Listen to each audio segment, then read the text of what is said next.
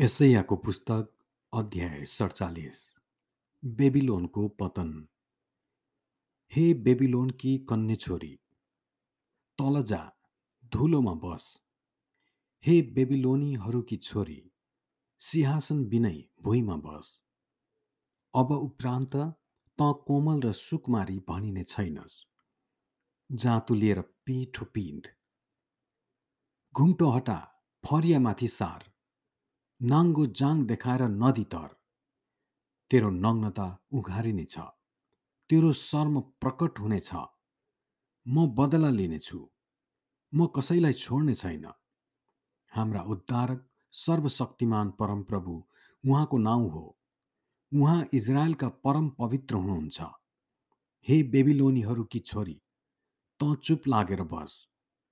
अँध्यारोमा जा। अब उपरान्त त राज्य राज्यकी रानी भइनिने छैनस्। म मेरो प्रजादेखि रिसाएको थिएँ र मैले मेरो निज भागलाई अपवित्र गरे। मैले तिनीहरूलाई तेरो हातमा दिएँ तर तैँले तिनीहरूलाई दया देखाइनस्। बुढापाकाहरूलाई पनि तैँले आफ्नो साह्रै गरुङ जुवा बोकाइस् तैँले भनिस् म सर्वशक्तिमानको निम्ति अनन्तकी रानी भइरहनेछु तर तैँले यो कुरा विचार गरिनस् अथवा पछि के हुन्छ त्यसको आखिरी नतिजा सम्झिनस्। यसकारण हे विलासी आफ्नो सुरक्षामा बेपरवाहसित बस्ने हृदयमा म नै हुँ म बाहेक अरू कोही छैन म कहिल्यै विधवा हुने छैन अथवा छोराछोरीहरूको वियोग जान्ने छैन भन्ने अब यो कुरा ध्यानसित सुन। यी दुई कुरा तमाथि एकै क्षणमा एकै दिनमा आइपर्नेछ। छोराछोरीहरूका वियोग र विधवापन। तेरो ज्यादै टुना मुना र तेरो शक्तिशाली तन्त्र मन्त्र भए तापनि ती पूर्ण रूपमा तमाथि आउनेछन्। तैँले आफ्नो खराबीमाथि भरोसा राखेकी छस् र कसैले मलाई देख्दैनन् भनेकी छस्। तेरो ज्ञान र तेरो बुद्धिले तँलाई भ्रममा पारेको छ। जब मैले आफ्नो मनमा भन्ने छस् म नै हुँ। म बाहेक अरू कोही छैन। विपत्ति तमाथि आइपर्नेछ। त्यो तैँले कुन जादुले हटाउने? हानि नोक्सानी तमाथि आइलाग्नेछ।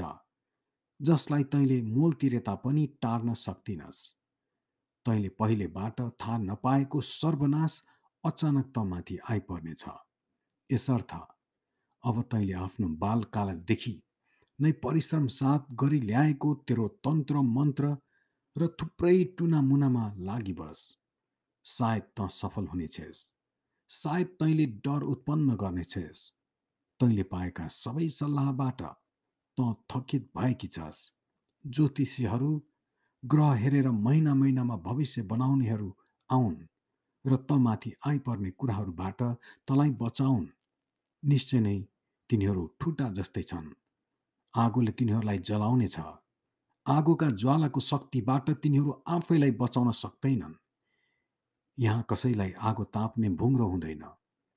न यहाँ बसेर ताप्नलाई आगो हुन्छ। तिनीहरूले तेरो निम्ति त्यति मात्र गर्न सक्नेछन्। यी जोसँग तैँले परिश्रम गरेकी थिइस् र बालककालदेखि व्यापार गर्दै आएकी थिइस्। तिनीहरू हरेक आफ्नै भुलतिर लाग्छन्। तँलाई कसैले बचाउन सक्दैनन्। आमेन।